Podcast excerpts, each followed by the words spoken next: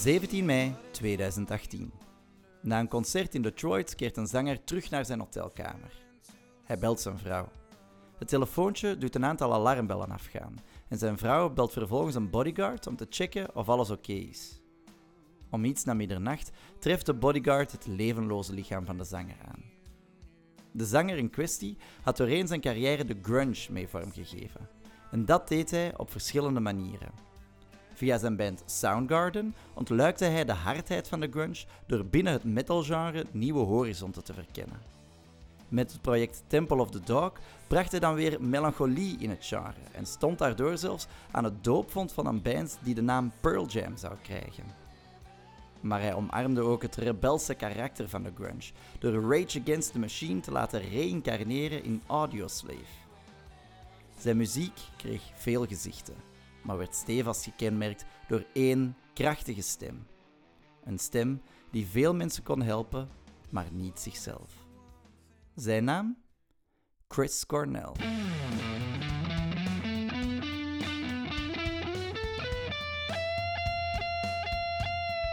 Liever snel naar de hel met Seppe en Sander. Welkom bij de nieuwste aflevering van Liever Snel naar de Hel. Dat is hier nog steeds met de enige echte Seppe. en Sander. Joepie, joepie, jee, jee. En ja, eh, we hebben het ook nog steeds over de midlife crisis mensen. Dus mensen die dat mm, tussen de 50 en de 60 gestorven zijn. En vandaag gaan we het hebben, gaan we wat meer de grunge induiken, de grunge scene opnieuw bekijken. En dan kan het natuurlijk niet anders dan dat we het gaan hebben over Chris Cornell. Ja. Een man met veel gezichten, zou ik zo zeggen. Eh, Muzikaal gezien. ja, muzikaal. Hè? Ja, ja. Fysiek gezien één gezicht. Hè? Ja, ook een kenmerkend gezicht, zo Ja. met het, het baardje, het, het snorretje, zo, het, eh, zo wat de, Ja, en de, de krullen. Hè? de, de krullen. Ja, ja. Ja. Ja, ja. Ja. Niet, niet gelijk eh, Joey Ramone met een, een ingegroeide tweeling of zo, dat dan extra gezicht geeft. Nee, inderdaad. Nee, nee, nee, gewoon. Dus, ja, voilà. ja oké, focus. Ja, oké. Eh, dus Chris Cornell, hè, of Christopher John Boyle, hè, Ja. belangrijk. geboren op 20 juli 1964 in de hoofdstad van de grunge, of de grunge die Ja, zal komen. Seattle. Hè. En dat is toevallig ook de verjaardag van mijn papa. Ja, Toevallig, hè? Want uw papa die is geboren op de verjaardag van Prince en die van mij op de verjaardag van Chris Cornell. ah, ja, verdekken. voilà. Dus- Ehm, Voilà. ik ben zoon van een prins, jij bent zoon van de grunge. Voilà. Ja. Eh, maar ja, dus Chris Cornell, dat is niet hetzelfde als Chris Boyle. Hè. Wat is daar eigenlijk gebeurd? Papa hè, was een, een, eh, een apotheek. Mama was een accountant, eh, die ook in haar vrije tijd waarzegster was. En eh, ja, weet je, eh, ieder zijn hobby's natuurlijk. Ja, sommige podcasten, andere die gaan de toekomst voorspellen. Voilà, inderdaad. Eh, ja, die konden het niet meer goed met elkaar vinden. Die dachten, weet je wat, fuck you, wij gaan scheiden. En toen had Chris zoiets van, weet je wat, ik ga de achternaam van mijn moeder nemen. En dat was Cornell. Dus voilà. Chris Cornell werd eh, opnieuw geboren. Ik, ik geloof dat ze uit elkaar zijn gegaan toen, toen hij eh, een tiener was ongeveer. Hè? Ja, ja, Ja. ja. ja.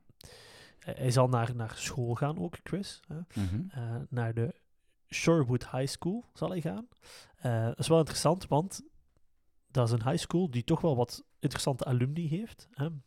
Zeker voor de grunge. En dat zijn de leden van Alice in Chains. Ah, die zitten ook allemaal daar. Ja, de, de, de twee founding members hebben daar op school gezeten. Mo, allee zeg. Ja. Voor hem. Beetje, allee jong, dus hij was een beetje jonger dan. Ja, Ah ja, oké. Allee jong, ja. tof. straf hè. Ja. Ja, straf. Toch, heel- heel Kle- tof. kleine wereld eigenlijk toch hè. Kleine wereld, zeker in Seattle. Iedereen komt daar zo wel langs. Maar die, die school was ook vooral eh, katholiek. Hè? Eh, hij was ook katholiek opgevoed. Hij Zijn, zijn, eh, zijn vader was een Ier, dus ja, dan, dan zit het katholicisme er natuurlijk in. Maar eh, Chris die stelde iets te veel vragen over het eh, katholicisme. Hij, hij- hij begreep heel veel zaken niet en hij vond er dan bepaalde eh, inconsistenties, zullen we zeggen. En hij zegt altijd van ja, ik werd van school geschopt omdat ik eigenlijk te veel vragen stelde. Ja, voilà. Dus je krijgt Chris Cornell, die wordt van school getrapt. En ja, komt dan een beetje alleen te staan ook wel. Hè? Eh, en ja, kijk, als je alleen komt te staan, gewoon een loner op, in de jaren 90, dan zoekt je toevlucht naar de muziek natuurlijk. Ja, ja, ja, ja. Eh, Het moet ook wel gezegd zijn, de school heeft hem ook wel zijn eerste ervaring, zijn eerste podiumervaring nog wel gegeven. Want het eerste nummer Ja. dat hij ooit zal publiek zal brengen, is ook wel op school. En dat is het nummer One Tin Soldier. Wil- willen we daar even naar luisteren om zo eens een keer te, te horen wat dat, dat nummer exact wat dat is? er toen al in hem zat. Wat dat ja. er toen... Ah, is ja, ja, we kunnen niet de opname van toen terugvinden, want ja, dat was in de jaren 70. Dus ja, niet iedereen had op dat moment een iPhone bij zich en kon dat toen even opnemen en zeggen van, amai, Chris Cornell die is hier aan het spelen. Eh, dus we gaan gewoon het originele nummer even laten luisteren. Okidoki. Listen, children, to a story that was written long ago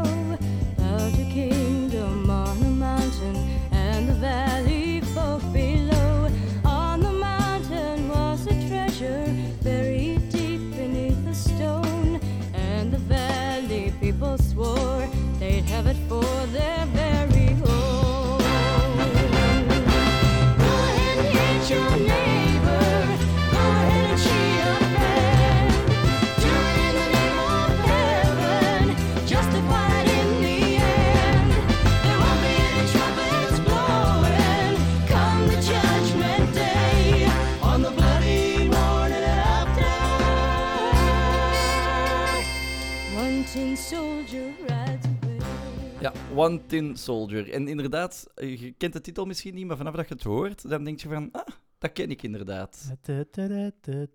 Het is, een, het is eigenlijk een anti-oorlogsnummer. Dus oké, Chris zegt op dat moment nee tegen de oorlog.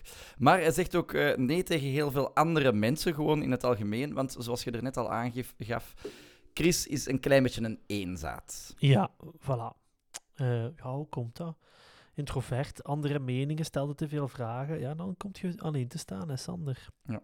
En dan gaat je op zoek naar de muziek. Hè. Ja. Vooral Little Richard eh, en de Beatles eh, Mhm. waren zeer grote invloeden op hem. Hij heeft echt een periode gehad van twee jaar waar hij gewoon alleen maar Beatles heeft geluisterd. Ja. En dat lijkt toch ook wel een klein beetje op het, tot nu toe, het carrièrepad van Kurt Cobain. Ja, ja, inderdaad. Dat is zo Ouders gescheiden die ouders. scheiden. Moeilijk, een beetje een Ja. loner. Ja, en dan... Voilà. Want ook Chris zal op zeer jonge leeftijd een keer aan een jointje trekken. Ja. Ehm, en niet alleen een jointje, ook alcohol. En PCP, Sander. We ja, zijn, het heeft... godverdomme, nog het heeft vijf minuten verder en Ja. het is hier alweer terug. Hè. Dat, dat komt die vorige aflevering, die waren altijd zo redelijk... Ja, dan kwam drugs opeens precies niet meer echt aan bod. En maar nu, Frank bam. Zappa is zich aan het omdraaien in zijn graf. Hè. Ja, ja, ja, ja. Frank Zappa zegt nee. Nee. Maar PCP, dat is niet de minste drugs eigenlijk. Hè. PCP is eigenlijk een verdovend middel. Ja. Ja. Maar in grote hoeveelheden is dat een hallucinogeen. Mhm. Ja, schrijf dat op, dat is een eh, mooi woord voor bij eh, Ja, ja. Scrabble. eh, Het, het is trouwens weer drugs met Seppe Kuipers. hè. Ja. Onze onderrubriek is, is weer van start gegaan. Dag beste teruggebruikertjes. Vandaag hebben we het over PCP. PCP in kleine hoeveelheden hè, heeft een beetje een, een, een duizelingwekkend effect. Hè. Dus je gaat je evenwicht een klein beetje verliezen. ehm, je, senses worden een klein beetje aangepast. Maar dat is het. En bij een iets grotere dosis gaat het eigenlijk gebruikt worden als eh pijnverlichtend middel. En zelfs eigenlijk als eh, anesthesie. Mhm. En in zeer grote hoeveelheden is het eigenlijk een tripmiddel. eh, dat ook agressie en paranoia uitlokt. Ah ja, oké. Eh, gezellige boel, denk ik dan. Ja. Ja. Maar het is ook heel verslavend. Oké, eh, oké, super. Ja. Nee, maar dat gaat effectief een hele grote invloed Ja. op hebben, want dat gaat eigenlijk een hele slechte eh, beleving of een heel slechte ervaring met PCP hebben. En hij gaat daar later ook altijd naar verwijzen als dat is het moment waardoor dat ik eigenlijk een andere mens ben geworden. Want daardoor kreeg hij opeens heel veel last van paniekaanvallen. Hij had, hij had zich heel veel schrik om zich in grote menigte te gaan rondbewegen. Hij was ook ja, daardoor nog introverter dan dat hij, dat hij al was. En ja, helemaal verslaafd eigenlijk ook. Hè. Ja, ja, ja, want allee, de, de strijd tegen drugs, of de strijd met drugs, die zal toch wel tot vrij laat in zijn leven eh, Ja. ehm, ja, ja. doorduren. Hè. Ja, ja, ja. Ge- Gelukkig geraakt hij er wel af. en vanaf. Maar ja, de littekens zijn al gemaakt op zeer vroege leeftijd Ja. natuurlijk. Hè. Ja, zo gaat hij het zelf inderdaad ook omschrijven. Als, als echt een litteken dat hij de rest van zijn leven op dat moment meedraagt. Ja, ja. En, en muziek is daar ergens een redding in voor hem. Hè. Niet Ja. alleen het luisteren naar muziek, maar ook het spelen van muziek. Ja. Hij zal op, op, op eh, die, rond die leeftijd zal hij eigenlijk ook beginnen met piano en gitaar. Eh, en ook een klein beetje drum zelfs. Ja. Het is, Eh, het is, die drum is eigenlijk vooral heel belangrijk, want eh, piano en gitaar, oké, vindt dat wel tof om te doen, maar volgens, hij krijgt op een gegeven moment die snare drum van zijn moeder, en hij zal zeggen van, ja, mijn moeder heeft mijn leven eigenlijk gered door mij een snare drum te geven, want dat gaf mij opeens iets om zo wat mij op uit te leven, en dat opende eigenlijk voor hem het pad om de rockmuziek meer te gaan Ja, exploreren. Voilà, en dat gaat zich voor het eerst echt, ja, moet je dat zeggen, kristalliseren in de band The Champs. Hè? Dat is een gewone coverband. Ja. Eh, maar in die band zit wel al iemand waar hij later ook nog ja, een groot succes mee zal beleven. Hè? Dat is de bassist Hiro Yamamoto. Ja. Ehm, maar weet je, Yamamoto en de Champs, oh, die had zoiets van: kom, cover, ik ben een beetje beu, ik wil weggaan. Eh, en nadat de Champs eh, ja, een, be- een beetje hun, hun strijd gestreden hebben, heeft Chris Cornell ook zoiets van: "Pff, weet je, ik bol het ook af, ik ben beu. En Ja, nee, niet helemaal. Want eigenlijk, eh Hiro Yamamoto gaat weg. En Chris Cornell zegt eerst nog van... "Mm, misschien moeten we nog even een andere gitarist zoeken. En dat is ene Kim Tail. Ah ja, dat is waar. Ook Oké. belangrijk, Ja, ja, ja. want- Sorry. Die twee gaan elkaar, Hiro eh, Yamamoto en Kim Tail, gaan elkaar eigenlijk een beetje wat ver- vervangen in Ja. de champs. Maar dan effectief zegt daarna ook Cornell van... Ja, oké, eh, misschien is dat toch ook niet helemaal... Ah, weet je wat... eh, Hiro, zullen we wat jammen? Ik ken nog iemand goed, die ene die dat u heeft vervangen eigenlijk bij de champs. Die kan ook wel wat, wat spelen. eh, die kan wat gitaar, jij kunt wat bas. Ik kan wat drummen. Kom, we gaan eens een keer samen zitten. Voilà. En, En- dan ontstaat Soundgarden. Ja. Voilà. Het is gezegd. In 1984 ongeveer. Dus Soundgarden ontstaat met dan die leden van de Champs. Chris Cornell gaat daarbij dan de zang en de drums op zich nemen. En ja, al snel heeft hij door van hm, drummen en zingen, dat is eigenlijk niet zo heel gemakkelijk. Ehm, dus misschien moeten we daar toch iemand anders voor vinden. Hij wordt dan heel kort even... Nemen ze Scott eh Sundquist aan, maar dan uiteindelijk wordt hij ook vervangen door Matt Cameron op de drums. En Soundgarden heeft wel een bepaalde ambitie. Ze gaan eigenlijk al heel snel zeggen van oké, wij willen echt wel iets doen. Dus zij gaan ook, vanaf dat ze beginnen samen te zitten, gaan, gaan ze ook EP's beginnen eh, uit. eh ze gaan ze demotjes eerst maken en dan uiteindelijk ook een eerste EP maken. En die eerste EP is Screaming Live. Dus dat is eigenlijk zo wat hun eerste opname.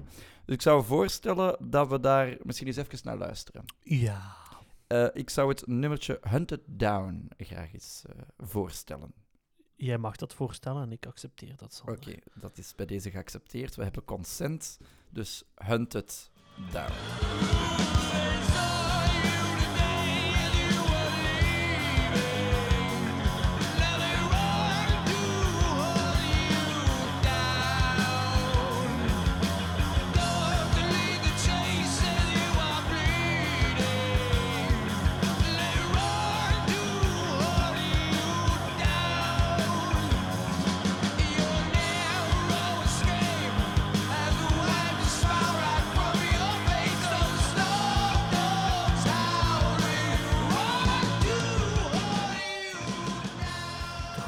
Pittige stem.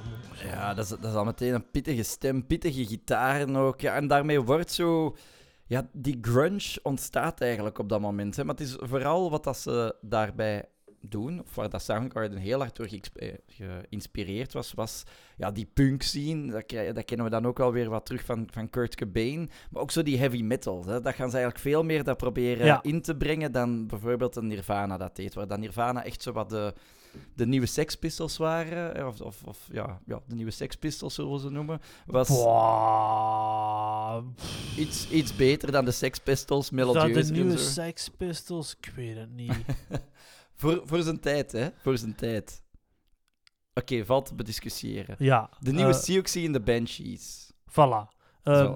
Als jullie een andere eh, eh, analogie hebben, laat die dan achter op, eh, Ja. of stuur dat naar ons via Instagram. Ja, voilà. Stuur het naar ons of laat het achter in de comments ja. als deze aflevering gepost is. Ja. En dan dan, dan zien we wat dat eigenlijk het meest interessant was. Ja, want wij zijn het niet eens, hè? dat wil ik wel even gezegd Ja, hebben. we zijn het Wij- duidelijk niet eens. Ho, ho, we hebben hier fikse ruzie, zeg. Oh, maar het is ongelooflijk hier. Nee, maar dus in ieder geval, Soundgarden ehm, laat zich veel meer inspireren zo, door wat die, die heavy metal riffs, die zware riffs. Ehm, het gaat dan ook, hè, ze gaan dan hun, hun, eh, hun, tweede, hun tweede EP gaat dan FOP zijn. FOP met F-O-P-P. Het gaat geen fopje zijn, Nee. geen, geen mopje. Fopje, flauw mopje. hè. Dat zou nu nog de mop zijn. Hè? Ja, dat is waar.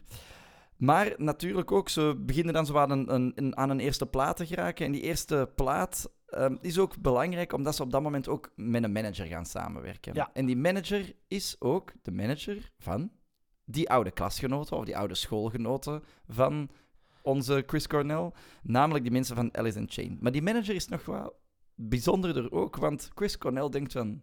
Amai, die ziet er ook nog niet slecht uit. Ja. Amai, dat is zelfs een hele toffe.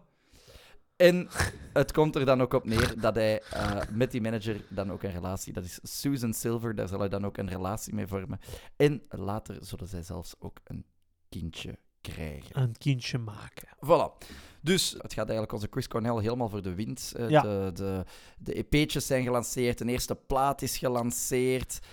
Ja, en, en dat begint eigenlijk wat. Hè. Zeker in die grunge scene leeft Soundgarden wel heel hard. Ja, ja, maar op dit moment moet je grunge nog niet zien als, Nee. als het jaren 90 fenomeen dat we nu Nee, kennen. nee, hè. grunge is echt nog underground. Hè? Ja. Eh, er is nog zeker geen, geen sprake van, van een, een, allee, een wereldband of, of, of Nee. eh, ja, Soundgarden die, die internationaal succes heeft. hè. Het gaat nu echt over, oké, ze maken eigenlijk meer nationaal.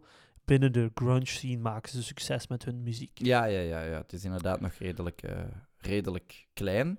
Maar, Maar, voilà. we vullen elkaar zo mooi aan. Ja, we zijn...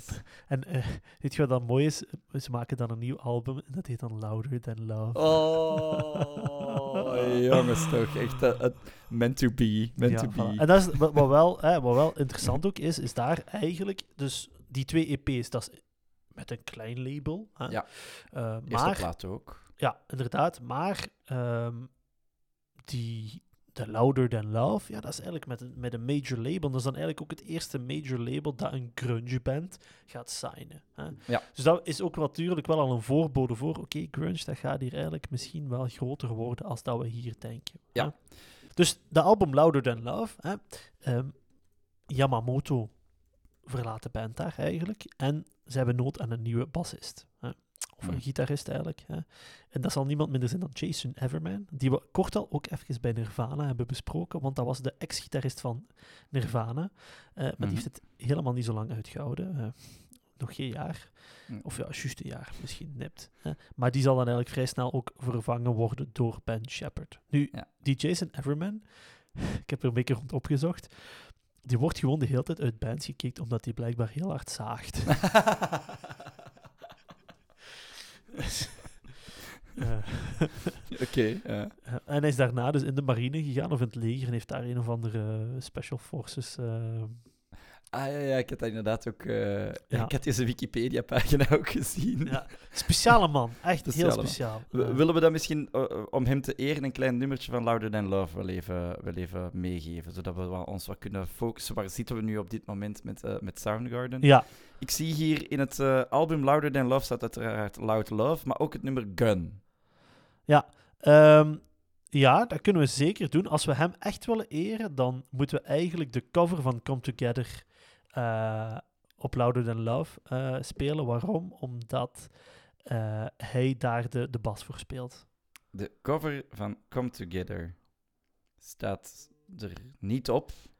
Ah, dat is de EP. Sorry, dat is de EP Loudest Love. Sorry. Loudest Love. Ah ja, ja, Ah, oké, ja, oké, ja. oké. Ah wel, maar oké, dan. We zullen dan het EP'tje doen met de cover dan van Come Together.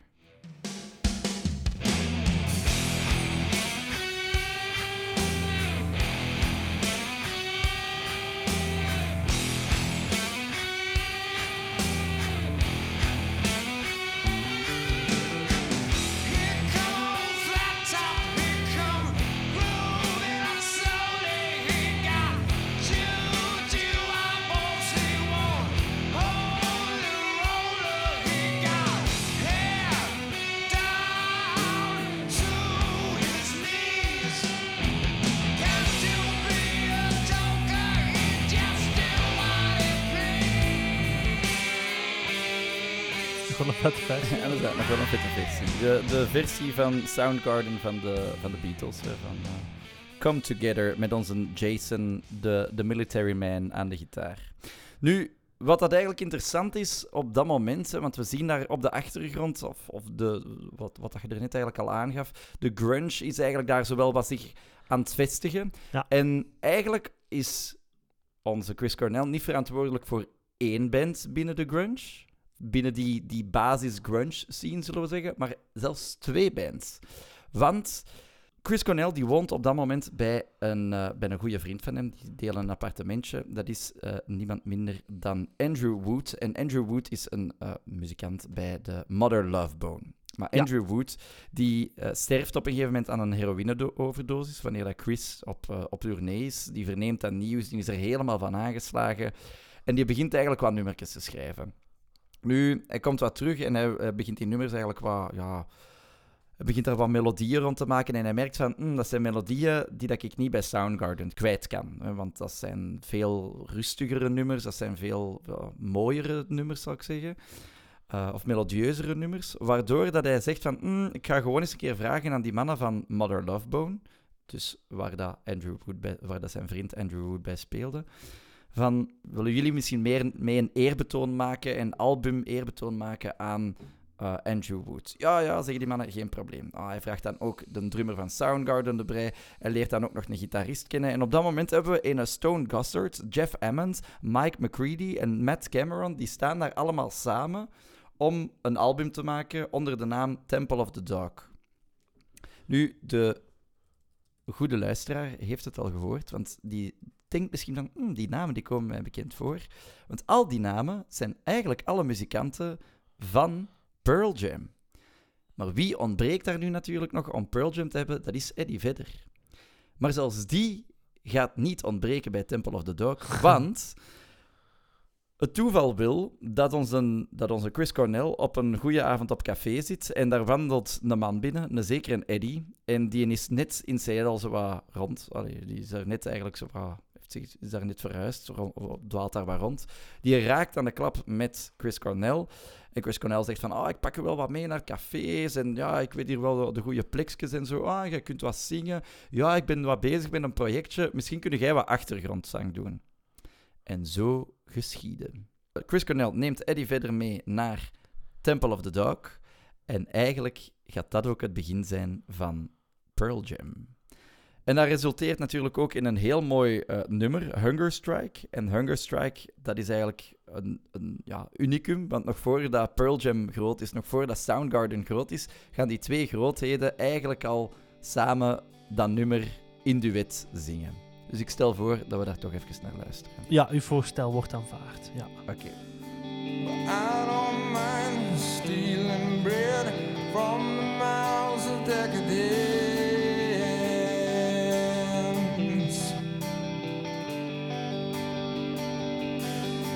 But I can't feed all the powerless when my cup's already overfilled.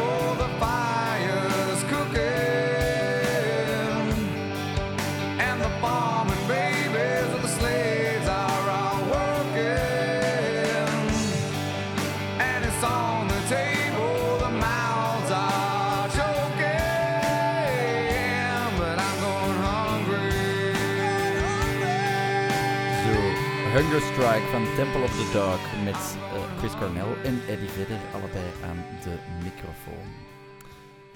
Voilà. We zitten daar eigenlijk in, in die scene en eigenlijk op dat moment gaat, onze, eh, gaat Soundgarden eigenlijk ook helemaal wat beginnen doorbreken. En dat gebeurt met een volgend album van Soundgarden en dat is Bad Motorfinger. Bad Motherfinger. Kun je er van alles over zeggen? We kunnen eigenlijk Het is, zeggen het, is, van... het is misschien wel om te zeggen, het is zo wat eh, in de ho- hoogte van de, van de grunge. Ja. Dat is het uitbrengen. Dus het is wel een, een- een- misschien hun laatste pittiger album. Ja, ja, ja, zeker.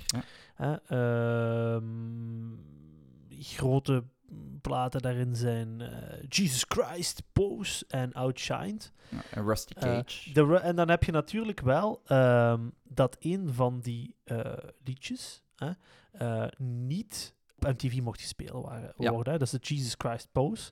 Dat dat waarschijnlijk blasphemy was of, ja, of godslaster. ja, in het, eh, in het, zo eh, preus is christelijke- Amerika dan nog christelijke net. Amerika was dat natuurlijk, eh, kon dat natuurlijk helemaal niet. Ja, en daarin komt ook wel een, een, een eerste eh, eerbetoon van andere artiesten ook. Hè? Eh, buiten de grunge, zullen we het zo zeggen. Hè? Dat is Johnny, Johnny Cash, Cash. die staat zo wat bekend voor... Als je zo de Essential Johnny Cash luistert, zo al die covers dat hij heeft gemaakt, dat is echt wel een super album ook, by the way. Ja. Ehm, ja, die is oud en die denkt, weet je, ik, zo, ik heb geen zin om geen nieuwe muziek te maken. Ik ga gewoon andere shit coveren. En Johnny Cash, die heeft gewoon eh, het talent om die covers soms beter te maken dan het origineel. Ja, ja. Ook heel casual, gewoon met een gitaar en een zware stem. Maar hij zal het dus ook doen met, met eh, een liedje van Soundgarden. En dat is die eh, Rusty, Rusty Cage. Cage. Ja. Kunnen we misschien de twee versies zo wat langs Ja, elkaar ik vind het zetten? goed om ze Ah. eens even na- na- naast elkaar te zetten. Ja. Misschien ehm, beginnen we met het origineel van Soundgarden. Dus Rusty Cage klinkt zoals dit.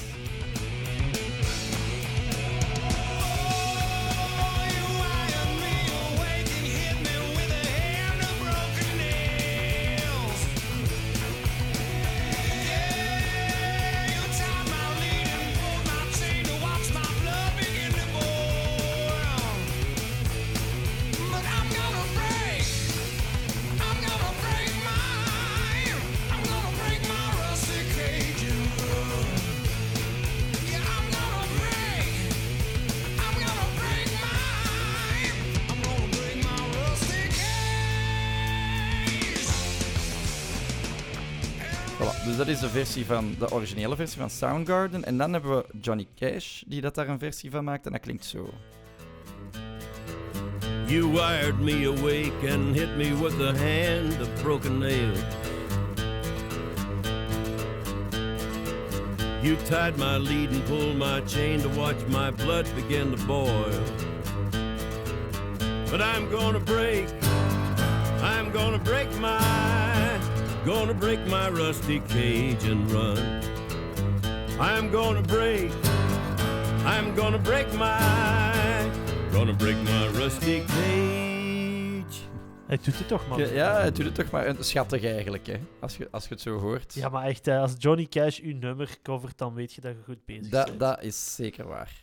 Nu, inderdaad, eh, wat dat gezegd dat gaat het laatste album zijn dat echt zo wat zwaarder is voor onze, onze vrienden van, van eh, Soundgarden. Want daarna gaan ze naar Super Unknown en dat zorgt wel voor hun internationale doorbraak. Want daar gaat dan natuurlijk ook een nummer op staan, zoals Black Hole Sun. Black hole sun, won't you come? Wash away the rain. Black hole sun, won't you come?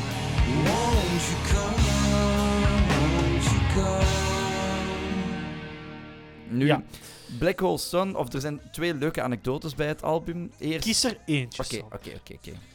Ik ga, ik ga het gewoon over het album hebben en ik ga het u overlaten om over Black Hole Sun te spreken. Oké, dat is goed. Oké, Super Unknown. Het grappige daarbij bij de album is dat eigenlijk was het bijna een andere naam geweest. Want Chris Cornell zag een videocassette liggen en hij dacht van, ah, daar staat eh, Super Unknown op. Ah, dat is een keigoeie goede naam voor een album, dus ik ga dat pakken. Maar eigenlijk stond er op die videocassette Super Clown. En dat was het alternatief geweest. Wauw. Ja, voilà. Een klein beetje het zijsprongetje. Maar dus, op het album staat een heel bekend nummer. Het bekendste nummer van Soundgarden, ongetwijfeld. En dat is Black Hole Sun. Ja. Ehm, welk verhaal wilt je dat, hoe dat het tot stand is gekomen? Vertel maar. Maakt niet uit. Ah. Want eh, wa- waar komt dat dan ook weer vandaan? Dat is eigenlijk grappig dat je dat zegt. Want Black Hole Sun komt dus ook van eh, hij die eh, in zijn studio zit en die is naar het nieuws aan het kijken en hij is zo half aan het volgen en hij hoort zo bla bla bla bla bla en ineens lijkt het alsof de nieuwsanker zegt Black Hole Sun. Toen dacht je, wauw, dat is cool. En toen is er gewoon zo'n ping moment bij hem gekomen en heeft hij gewoon één stream of consciousness dat lied geschreven doordat hij dat hoorde. Oh, jong. Ja. Nice. Dus eigenlijk heeft Chris Cornell heel veel goede titels bedacht. Puur door dingen slecht te lezen of slecht te horen. Ja, voilà. Dat is eigenlijk Chris Cornell zijn, zijn, zijn eh, talent, Ja. zo te zeggen. Eh, maar, maar wat ik ook al had gelezen is dat het, ehm, dus het album wordt door de critics vrij positief onthaald. Ja. Ehm, en de voor, het vorige album had al een Grammy-nominatie gekregen, maar Mhm. niet gewonnen. Nu zal het ook een Grammy-nominatie winnen. Ja. Mhm. Maar de critics zeggen eigenlijk dat Black Hole Sun een B-side is. Ze vinden Ja. niet dat dat een volwaardig lied is. Ja, Wat heel raar is, want dat wordt dan het grootste lied.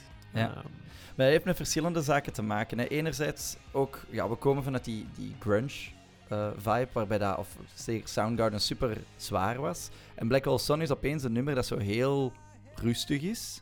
Plus het is ook heel ja, atypisch in melodieën. Er zitten heel veel verschillende melodieën die dat wat door elkaar worden gebruikt. ja, Waardoor dat het ook misschien moeilijker is of, of minder gemakkelijk is om het te volgen. Maar juist dat heeft heel veel mensen aangesproken, denk ik net. Ja, inderdaad. En eh, vanaf dan zal ook wel binnen Soundgarden de, laten we zeggen, de, de strijd beginnen om, om, om eigenlijk de, de invloed. Hè? Ja. Je, hebt, je hebt een paar leden van Soundgarden die meer zeggen van, ja kijk, ehm, wij moeten bij die, bij die harde metal grunge-stijl blijven. Terwijl Chris Cornell meer zoiets heeft van, bloemetjes.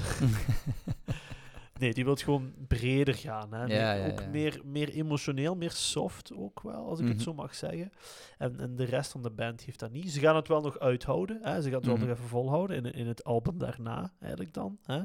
Ehm, de, up, de, de, dat is de Down the Upside. Ja. Ehm, en daar heb je dan nog be- bekende liedjes in, zoals Pretty News en Burden in My Hand. Mhm. Maar daar, ja, dat is zo wat het laatste. eigenlijk ja, op dat het moment. is, hè. het is, ja. want het is ook nog een verdere departure van de grunge. Ja, ja. En eh, het ding is, het wordt allemaal wel eigenlijk vrij goed onthaald. Hè? Ehm, Omdat ze zich heruitvinden. ja, Dat, maar... vind- dat vinden de critics goed, maar intern werkt dat niet meer. Nee, ze is van, allee, putain. Wat Zijn, zijn wij wel Soundgarden? hè? Ja. Dus eh, ze besluiten dan eigenlijk ook, omdat ze daar allemaal een andere visie op hebben, besluiten ze dan ook van oké, we gaan uit elkaar gaan. Soundgarden stopt, maar dat betekent niet het einde voor de muziek die dat Chris Cornell maakt. Want Chris Cornell gaat eigenlijk al meteen zeggen van oké, Soundgarden neemt een, een pauze. ja, ja, ja, officieel stoppen ze eigenlijk. Ja, ja, ja. ja, ja, ja. Maar, ehm, dus op dat moment gaan ze uiteen. En Chris Cornell zegt dan van, ja, kijk, ik wil toch ehm, nog verder met die muziek gaan. Dus hij gaat dan ook een solo-album maken. Dat is het eh, album Euphoria Morning. Ja, En dat album zal eigenlijk heel goed, Ja. of heel zwaar geïnspireerd zijn door een goede vriend van onze show. een goede vriend van de Ja. show. We wil, wij zouden heel graag gewild hebben dat er een groene vriend van de show was. Ja, ja maar het is, het, is, het is toch iemand waar we een bepaalde verbondenheid mee hebben, want het was de eerste aflevering die dat wij eh, gemaakt hebben natuurlijk. En dan hebben we het natuurlijk over Jeff Buckley. Ja, inderdaad, hè, die, die in 97 gestorven is. Ja. Hè. Eh, en als je het album hoort, hoort je ook wel de invloeden van Jeff Buckley erin. Hè. Misschien nog wel heel belangrijk om te zeggen, we zijn, we zijn zo maar even zo casual over Chris Cornell zijn muzikale eh, capabiliteiten gegaan, maar Chris Cornell staat ook be- bekend voor het feit dat hij zeer hoge octaafranges kan hebben. Hij Ja. kan van heel laag naar heel hoog gaan. Ja, ja, ja. en dat gaat hij vooral in dat solo-album voor het Voilà. eerst echt tot uiting kunnen brengen. hè. Inderdaad, ja. Ik stel voor dat we dus misschien naar een, een nummertje eens een keer luisteren. En ik denk, eh, omdat het dan toch wel een eerbetoon ergens is aan Jeff Buckley, zou ik naar het nummer eh, Wave Goodbye luisteren. Dat is denk ik een knipoog natuurlijk naar Last Goodbye van Jeff Buckley zelf. En dat is ook een ode aan onze vriend Jeff. Yes. Wave Goodbye. Words get tangled on your tongue and you stumble on your feet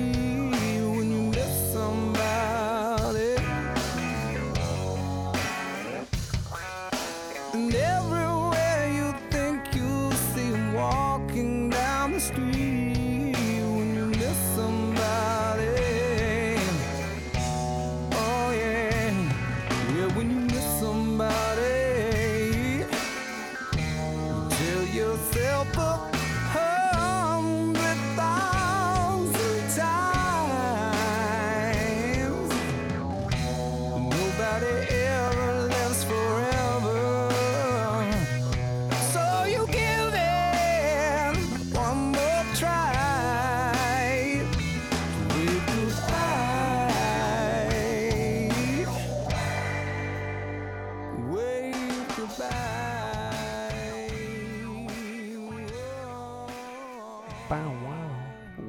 Goodbye. Waarin dat we dus de mooie stem van, of de, de range van de stem van Chris Cornell meer leren ontdekken. Ja, logischerwijs, dat het eerste album dat is eigenlijk wel een, een succes. Dus logischerwijs, wat doe je dan? Dat maakt een tweede album. Maar Chris Cornell zit daar in zijn studio en die is daar wat bezig met wat nieuwe dingen voor dat tweede album. En opeens wordt er aan die studio geklopt. En wie staat er voor de deur? Niet Jeff Buckley. Niet Jeff Buckley, nee, die was al gestorven. Maar wel ene Tom Morello. Tom Morello. Tom Morello van Rage Against the Machine. Staat niet letterlijk voor zijn deur, ik ben het een beetje aan het versimpelen. Maar ehm, Ja, misschien, misschien wel, hè. Allee. ja, misschien wel, ja. Eh, maar die zegt van, hey Jeff, ehm, goh, ja kijk, eh, Rage Against the Machine is eh, wat uit elkaar gegaan, want Zack de La, Zack de La Rocca wil eigenlijk niet meer meedoen. Maar wij willen nog altijd wel verder doen, want wij willen nog altijd wel muziek maken. Dus wij zoeken eigenlijk iemand met toch wel een krachtige stem, met wie dat we eigenlijk zo wat Rage Against the Machine voort kunnen zetten. Zo. Ja. En onze Chris Cornell, vriendelijk dat tenminste zegt van, ah wel ja jongens, dat is goed, kom ik wel even meedoen. Ja. Die doet daar een klein auditieke en Tom Morello zegt van, dat komt hier dik in orde. Ja, maar op het begin is het toch niet allemaal top. Hè? Want wat Tom Morello natuurlijk niet gevraagd heeft aan Chris Cornell is: Hey Chris, ben jij alcohol of drugverslaafd? en kan je wel optreden? Ze beter wel gedaan. Want ze gaan een eerste album opnemen met Audioslave. Hè? Ja. Ehm, het heet gewoon Audioslave. Hè? Eh, en ja, in principe krijgt goede feedback. Wauw? Chris Mhm. Cornell met Rage Against the Machine. Wauw, nog eens echt een goede rockmuziek. Ehm maar als ze dan live gaan optreden, ah, gaat het wat moeilijker. hè.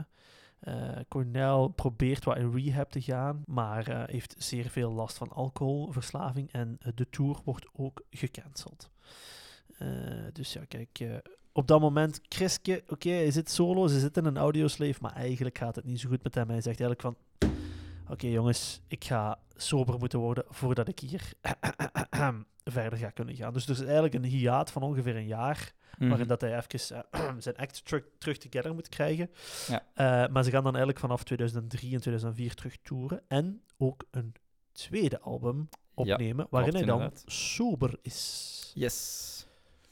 En dat is het album Out of Exile. Ehm, het, nummer, uh, het album Out of Exile dat gaat ook een veel persoonlijker album worden. En waarbij dat we eigenlijk zien in het Audioslave album, dat was eigenlijk een verderzetting van Rage Against the Machine, maar dan met Chris Cornell achter de microfoon, gaat Out, Out of Exile echt zo wat meer een, een nieuwe sound eigenlijk was zijn. Of daar, je hoort nog altijd wel uiteraard een Tom Morello aan de gitaar. En je hoort nog altijd wel zo dat, dat vettige van Rage Against the Machine, dat we allemaal heel graag horen. Maar je hoort ook dat er iets nieuw in Ja. zit. Iets dat Rage Against the Machine niet had. En Chris Cornell gaat daar ook veel meer van zichzelf blootgeven. Hij gaat, zichzelf veel meer, gaat het een klein beetje wat gebruiken om wat te reflecteren over hoe dat hij zijn leven wat heeft geleid daarvoor. En daardoor gaan er ook veel persoonlijkere nummers op staan. En een nummer dat bijvoorbeeld heel persoonlijk is, is Be Yourself. Ja. Be Yourself, daarop gaat hij ook reflecteren over van oké, hoe, hoe dat hij met zichzelf in de knoop lag in zijn leven, hoe dat hij ook zijn scheiding, want op dat moment gaat hij ook eh, uit elkaar gaan met zijn, met zijn vrouw, Ja. hoe dat hij zijn, zijn scheiding eigenlijk verwerkt en hoe dat hij probeert om eh, zijn leven terug op het juiste pad te krijgen. Ik stel voor dat we misschien even naar Be Yourself luisteren. Ja, dat is goed. Oké, dan pakken we Be Yourself er even bij. Someone falls to pieces, sleeping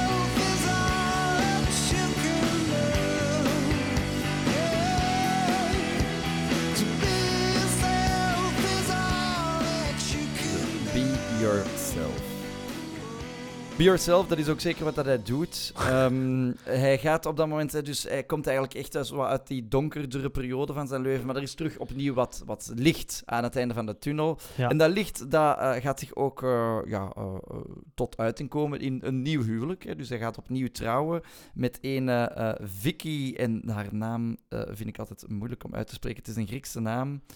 Ashtapabolotovopoulos. Zoiets, inderdaad. Ja, voilà. Eh, Vicky voor de vrienden, dus we gaan haar gewoon eh, Vicky noemen, want we, durven ons wel zo eens een keer vriend noemen. Hè. Ehm, in ieder geval, hij gaat daarmee trouwen en daar gaat hij dan ook nog de, de rest van zijn leven mee, mee eh, samen blijven. Gaan ook twee kinderen krijgen enzovoort. Nu, goed, Audioslave, dat, dat loopt eigenlijk wel heel goed. En het interessante is eigenlijk ook dat Audioslave ook ja, in, heel internationaal worden die heel goed opgepikt.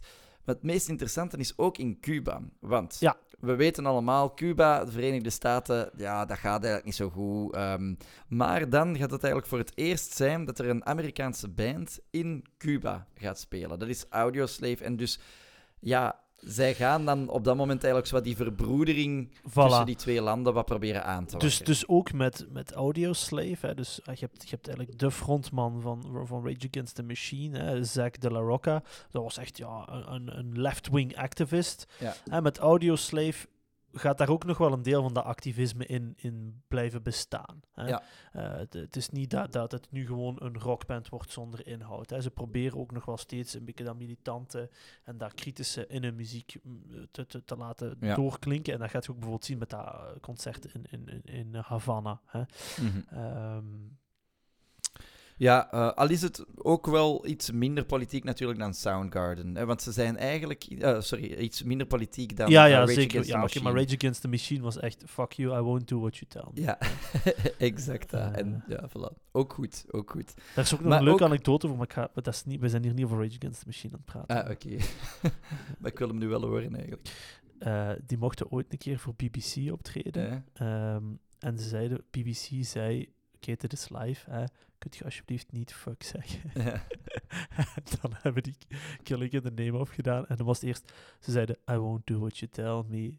I won't do what you tell me. En toen kwam die erop. En dus hebben ze allemaal gewoon zo. En dan de hele tijd fuck, fuck, fuck klinken zei. En toen werd de broadcast interrupted. Ah, wel, maar dat zijn zaken die dat je natuurlijk iets minder bent, eh, met Chris Cornell gaat, eh, gaat voor hebben. Het was blijkbaar ook zo dat ehm, Chris Cornell had een heel typische manier van, van songwriting te doen, waarbij dat het heel belangrijk vond om eigenlijk iedereen van de band voldoende input Ja, te geven. Inderdaad.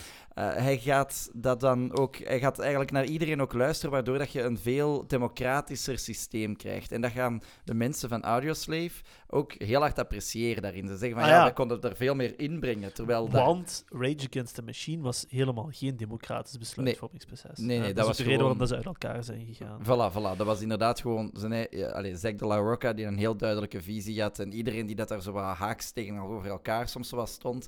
Was, eh, Tom Morello beschrijft het soms als... Het was soms meer vechten dan dat wij echt eh, het, ja, aan het samenwerken waren. Ja, inderdaad. Maar dat be- dan begrijpt je ook wel waarom dat er zo agressieve muziek ook wel, eh, dat was, dat was gewoon naar elkaar toe. Voilà. Maar dus, ehm, ja, uiteindelijk, ja, ze gaan dan nog een nieuw album ook hebben, Revelations. Maar oké, Chris Cornell die voelt van, mm, ik wil toch zo weer wat, wat terug iets anders doen. Ik, ik mis eigenlijk toch wel een beetje het, eh, mijn eigen ding wat te doen. En uiteindelijk besluiten ze dan ook met Audioslave om dat stop te zetten. Of Chris Cornell stapt uiteindelijk uit eh, de band. En dan komt er natuurlijk een nieuwe solo-periode aan voor Chris Cornell. En die begint eigenlijk al heel mooi met de soundtrack van de James Bond-film Casino Royale. Ja. Hij, eh, hij gaat daar het nummer You Know My, of de soundtrack van de film eh, schrijven, You Know My Name. En dat is natuurlijk al meteen weer een, een schot in de roos. Dus de solo-carrière van Chris Cornell is op dat moment weer opnieuw gelanceerd. Ja. Zullen we daar even naar luisteren? If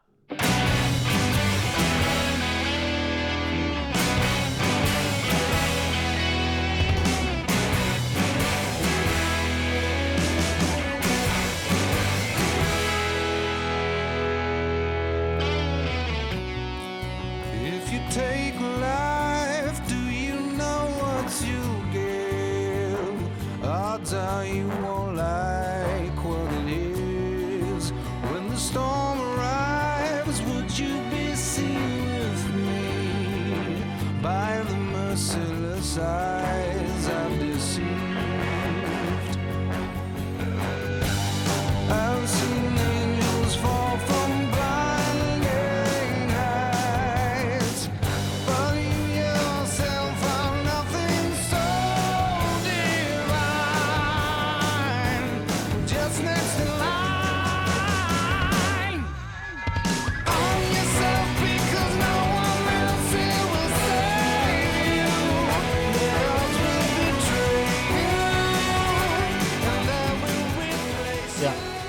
dat zal niet de enige soundtrack zijn waarvoor dat, eh, Chris Cornell zal schrijven. Hè. Het gaat eigenlijk een, een soort van ja, ding worden waar hij precies vaker wordt voor, Ja. voor gevraagd. Hij zal on- onder andere voor die Avengers eh, eh, een, een soundtrack schrijven, ook voor ehm 12 Years a Slave.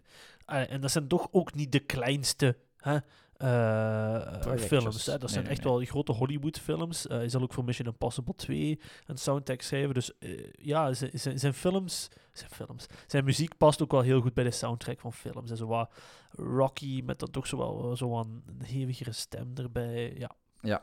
En wat ook interessant is, hè, want hij is op dat moment dat tweede album dan bezig. En wie vergezelt hem daar op de gitaar? Dat is niemand minder dan onze Gary Lucas. En dat is, die moet je misschien persoon- even terug opnieuw duiden. dat is de persoon onze die dat... Gary Lucas. Onze Gary Allee, Lucas, ja, voor de Gary. trouwe luisteraars, die weten uiteraard over wie dat gaat. Hè. Oh, dat is- Wacht, wacht, wacht. Jullie hebben nu vijf seconden Oeh, ja, ja, ja. ja, ja, om, om ja. te raden ja, ja, wat ja. de link is. En wie is Gary Lucas? we, we wachten wel even. Nog tien seconden. De laatste ronde. nog een- na, na, na. Oh, Oh, stop. Stop. Oh, stop. Ja, oké, voilà. En de trouwe luisteraars, we hoorden jullie, we hoorden jullie. Jullie hebben natuurlijk luidkeelst geroepen, dat is die man van Jeff Buckley. Ja, eh, klopt inderdaad, klopt inderdaad. Dat was die goede vriend van Jeff Buckley, die daar dan eigenlijk mee speelt met onze Chris Cornell. Nu, op dat moment, eh, we zitten weer terug in die solo-periode van Chris Cornell, al moeten we zeggen, eigenlijk vanaf dan gaat het hem voor de wind. En hij doet heel veel verschillende zaken. Dan, hij gaat bijvoorbeeld ook in het eh, voorprogramma van Aerosmith spelen. Hij gaat samen met Linkin Park spelen ook. Ja, Op die... die- eh, Op die Project Revolution Tour. En dat gaat ook zeer belangrijk zijn, want dat gaat, hij gaat daardoor ook Chester Bennington steeds beter leren kennen. En Chester Bennington, hij merkt dat hij daar een, een, een gelijkaardige ja, achtergrond eigenlijk mee deelt. Hè? Of gelijkaardige struggles vooral mee ja, deelt. ja, zeker weten. Want zij weten elkaar wat te vinden. Ze praten eigenlijk over de demonen die dat hen achtervolgen, over slechte ervaringen uit hun verleden dat ze hebben gehad, over die eenzaamheid die dat ze vaak voelen. En daardoor ontstaat er daar toch ook wel een hele belangrijke klik tussen die, eh, tussen die twee. Ja, ja, want eh, op termijn zal Chris Cornell ook de, de godfather worden van een van Chester's kinderen. Ehm, ja, en ik denk ook omgekeerd, dat Chester Bennington, de eh, Peter, wordt ook van een van zijn kinderen. Ja. Nog eens. Dus eh, die twee, dat, dat, dat marcheert eh, ongelooflijk goed.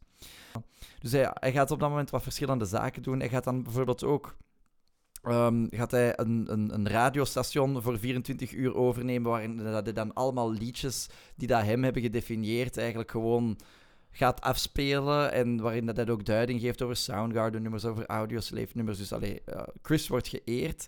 Hij gaat dan ook eh, met Soundgarden in 2010 een reunie doen. Ja. En daarvan zegt hij dan van, ja, het grootste verschil dat er was met daar, ehm, ja, pakweg 20 jaar ervoor, toen dat ze met Soundgarden bezig waren, of 30 jaar ervoor al zelfs, was dat er nu geen flessen Jack Daniels meer Ja, in de buurt voilà. waren. Dus De- maar het, het, het, gaat ook beter. Hè? Die, die, die, reunie Soundgarden 2010, dat is allemaal wat gemoedelijker. Hè? Er zit ook tien jaar meer op de teller, of zelfs meer. Dus ze zijn allemaal zo wat kalmer. Hè? Hij zit niet meer aan de, aan de alcohol. Eh, wat er ook wel voor zorgt dat, dat de groep zelf ook hechter is. hè. Ja, want daarna gaan ze ook, ja, ze blijven dan nog regelmatig. Zijn ze officieel terug bijeen? Ja, nee, hè, maar ze, ze gaan nog wel terug regelmatiger gaan, gaan optreden. Ehm, maar ondertussen blijft Chris ook wel aan zijn, aan zijn solo-projectjes wat, wat werken. Hij gaat dan ook nog een akoestisch eh, nummer uitbrengen. En hij gaat bijvoorbeeld daardoor ook opgemerkt worden door Het Witte Huis. Daar gaat hij twee keer eigenlijk gaan spelen.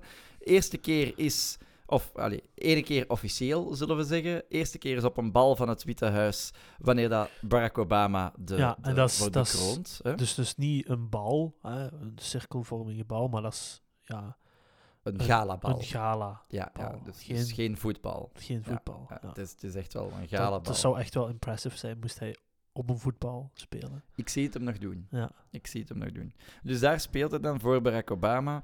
En een paar jaar later besluit hij om, eh, wordt hij niet uitgenodigd om op, het, eh, op een galabal te spelen. En zegt hij van, "Mm, dat is niet erg, maar ik ga wel een antibal organiseren. Een anti-galabal. En dat is bij de inauguratie van ene Donald Trump. En dan gaat hij dat niet alleen doen, maar hij gaat dat dan met de meest, zijn meest politieke ja, uiting doen. En dat is dan natuurlijk de reunie van Audioslave Yes. op dat moment.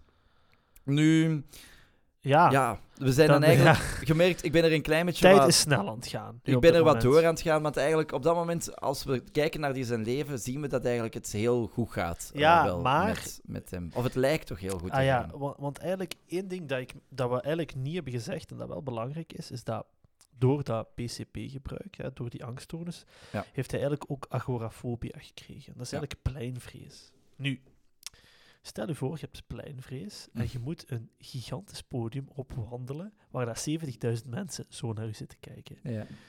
Dus die had ook wel continu angsten, die man. Ja, hè. ja. Eh, die, allee, eh, aan de oppervlakte ging alles oké, maar hij heeft ook al een paar keer in interviews toegegeven, in de jaren 90, maar ook in de jaren 2000, van ja, kijk, ik weet wat het is om suicidaal te zijn. Ja, ja, ja. Zeker ook in reactie op de dood van bijvoorbeeld Kurt Cobain, zegt hij van ja, ik ken die gevoelens. Hè. Eh, dus allee, we zijn nu allemaal heel mooi, we, we hebben zijn cv'tje opgemaakt hè, en nu doen we het deurtje open en zien we eigenlijk dat er iemand zit die totaal niet gelukkig is, Mhm, die eh, nog altijd wel struggelt met alcoholverslaving, mhm. eh, die, die sober kan blijven, maar oké, waar, waar wel een hele, hele grote strijd achter zit. Hè. Dus dat is Mhm. ook de Chris Cornell die we aan het beschrijven zijn. Yes. En ja, eh, het, eh, het is een beetje fatalistisch, heb ik het gevoel. Zo, Mhm. Het is zo precies tot op een moment tot het niet meer gaat en dan moet het ook stoppen voor hem precies. mhm. Want dat is natuurlijk ook, hè, we beginnen zo wat in de laatste maanden, in de laatste weken van zijn leven te komen. Mhm. Het is heel moeilijk om te zien van, ah ja, er was een aankondiging van zijn, Ja, van zijn, zijn einde. Of er was iets dat, dat mensen zeiden van, oei, het gaat echt niet goed. Eh, we gaan moeten ingrijpen. Tot heel, heel kort voor zijn heel dood vlak pas, hè. voor zijn dood. Ja. Ja. Want dan komen we eigenlijk op de nacht van 17 mei naar 18 mei 2017. En die nacht, of die avond daarvoor, dan speelt Soundgarden nog een optreden in de Fox Theater in, in Michigan. En Chris Cornell die keert daarna naar zijn hotel om daar te slapen. En eh, zijn vrouw belt hem nog even op, rond een uur of half twaalf. En zijn vrouw hoort eigenlijk van... "Hmm, dat, hij reageert zo wat raar. Hij reageert zo heel wazig. Hij reageert zo heel van... Ah, allee, ja, ik ben moe en... ah." Zo, hij zegt zo heel rare dingen. En hij hoort ook vanuit de entourage van, ja, dat dat optreden eigenlijk ook niet fantastisch was verlopen. Dat ook tijdens dat optreden hij zich ook heel ja, onwennig gedroeg. Ook soms van het podium terug afging, er terug opkwam. Dus hij, hij zat precies in een soort van andere vibe. Ja, ja. Ja, bij, de, bij Vicky, hè, als Vicky, de, gaan er natuurlijk bepaalde alarmbelletjes af. Dus diezelfde avond probeert hij nog terug te bellen. Chris neemt niet op en zij zegt van, oké, lijfwacht bellen en vragen of dat hij even kan checken. Die lijfwacht klopt aan de deur, doet niet open. Uiteindelijk dan, ja, hij mag ook niet zomaar het, eh, hij, hij mag dan ook van het hotel, mag hem dan ook niet zomaar daar binnenbreken. Maar ja, oké, een lijfwacht is een lijfwacht voor iets. Dus die doet dat toch, breekt daar binnen en die ziet daar Chris Cornell liggen. Ja. Dus die lijfwacht maakt natuurlijk het sommetje en begint meteen te reanimeren, belt de hulpdiensten, hulpdiensten aan. Maar alle hulp blijkt te laat te komen. ja. Chris Cornell is op dat moment dus gestorven. En ze bellen zijn vrouw terug op. En zijn vrouw is uiteraard in, in alle staten. Hij kan het eigenlijk niet geloven. Want hij zegt van, ja, maar Chris was sober. Chris was, was gelukkig naar mijn gevoel. Alles ging eigenlijk zo goed. Dat kan eigenlijk niet ja, dat hij dat die, dat die nu weg is. dus ze gaat eigenlijk heel snel zoiets hebben van, kijk, foul Er is play. iets meer. Er kan niet. Dat kan niet dat dat zo is. En ze gaat eigenlijk zeer snel, hè, maar echt, het gaat over minuten na de dood van haar echtgenoot, gaat ze eigenlijk haar advocaat bellen. Zeggen Ja. kijk, eh, hier klopt iets niet. Eh, Chris zou geen zelfmoord hebben gepleegd. Ehm, hier moet onderzoek naar gebeuren. Ik wil een toxicologie-rapport. Weet je, eigenlijk heel cru gezegd, waar laat dat toxicologie-rapport zien dat dat eigenlijk iemand is die depressief is. Ja. Er zit heel veel medicatie in die voorgeschreven mag worden, die voorgeschreven werd tegen eh, depressie, tegen angstaanvallen, om kalm te blijven, tegen hoofdpijn, etc. Maar niks met een dodelijke basis. Mhm. hè. Of een, niks met een dodelijke hoeveelheid. Ehm, dus, hè, je, je hebt het daarnet gezegd tegen mij, buiten de recordings, er, is een, er is een rechtszaak rondgekomen, Ja. eh, waarin dat eigenlijk eh, de vrouw zegt van, kijk, eh, Chris Cornell is gestorven door een verkeerde toediening van medicatie. Ja, van, meer bepaald van het, het middel Ativan. Dus Ja. dat is een slaapmiddel dan. En het verdict is eigenlijk geweest dat het eigenlijk niet is. Ja. Eh, wa- wat ik denk dat nog moeilijker moet geweest zijn voor de vrouw, om dan eigenlijk te weten van shit, hij heeft gewoon het echt gedaan zonder allee, te veel drugs gepakt te hebben of weet ik veel wat allemaal. Ja, ja er waren, het, is inderdaad, dus de dokter die wordt inderdaad, werd eigenlijk, ja, eh, werd een proces aangedaan. Ehm, en uiteindelijk, het is eigenlijk pas een, een goed jaar geleden, dus in 2021, dat eigenlijk de twee partijen tot een overeenstemming zijn eh, gekomen. Ehm, dus dat ze het eigenlijk hebben gezegd van oké, we gaan het we gaan het laten rusten, we worden hier uiteindelijk allemaal niet, allebei niet, niet beter van. Ja. Maar ja, dus Chris Cornell is gestorven. En hij laat natuurlijk een hele grote afdruk na, ook op, ja, eh, op, op eigenlijk zijn, het nageslacht, zal ik zeggen. Ja, dus, dus ook er is op misschien nog wel iets wat we moeten zeggen, iets wat toeval is of niet, is dat Chris Cornell is exact 37 jaar na Ian Curtis gestorven. Ja, op dus exact op de dag. Ja. En wij een- weten dan ook dat exact twee maanden later, dus op de 53ste verjaardag van Chris Cornell zelf, Chester Bennington zijn leven zal nemen. Ja, ja, ja. Dus die, ja, zijn die gelinkt of niet? Voor, van Chester misschien wel. Eh, zou Chris Cornell. eh, het, het is wel op dezelfde manier ook gebeurd hè, als, als eh, eh, Ian Curtis van Joy Division. Ja. Dus sommige mensen leggen die link wel. Hè. Ja, ja, inderdaad. Maar ja, dat is, dat is altijd zo wat moeilijk om daarover te speculeren, denk ik. Ik denk, de, de link met Chester Bennington, die, die zou er wel zijn. Zeker omdat we dan weten dat Chester Bennington daar eh, ja, heel hard van afzag. Hè, want hij, hij zag in, in Chris Cornell iemand met wie dat hij open kon spreken over ja, de demonen die dat hen allebei achtervolgden. Iemand die dat hem echt helemaal begreep.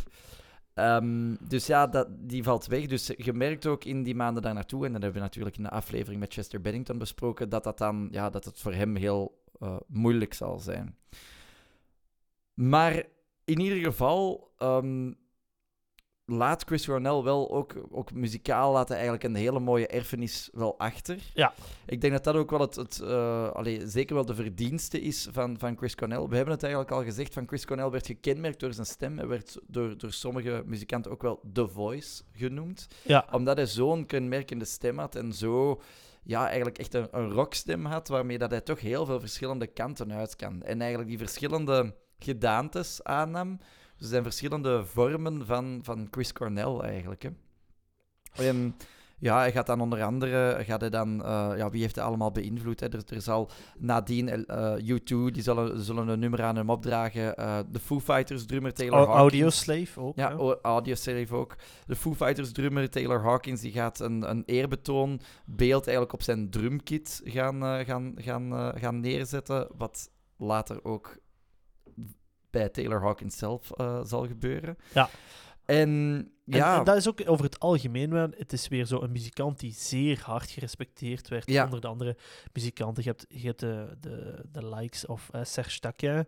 Mhm. Oh, wauw, ik heb dat echt... Dat is, dat is een Oosterse naam, ik spreek dat zo Frans, dat is Mhm. bekend. Serge Ta- Taquin. Eh oui, nee, dus de, de, de zanger van System of a Down, die, Mhm. die een tribute doet naar, naar, naar hem ook.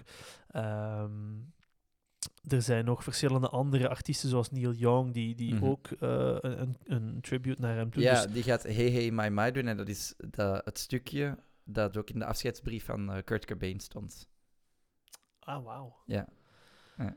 Voilà. Dus allee, zeer, zeer gerespecteerd. Je moet ook denken, en hij was super populair binnen, binnen het publiek.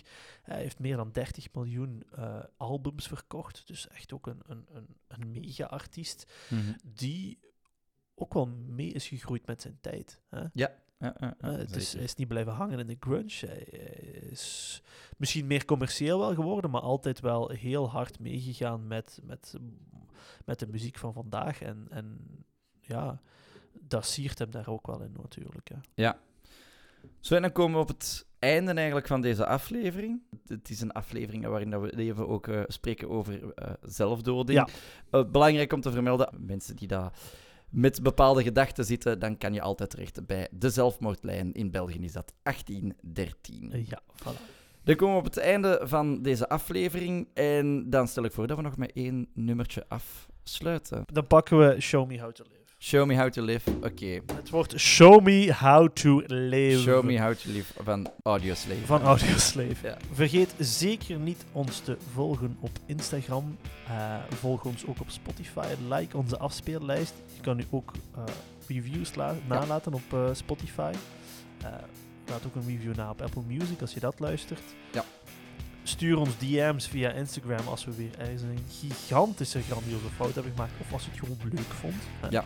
Dat appreciëren we heel hard. We, Ja. krijgen, we krijgen tegenwoordig steeds meer berichtjes en we denken altijd van potverdikken. ja. De- wij hebben toch de beste fans. Hè? Voilà. De, of hè. Of fan. voilà. Dank u, mama. Voilà.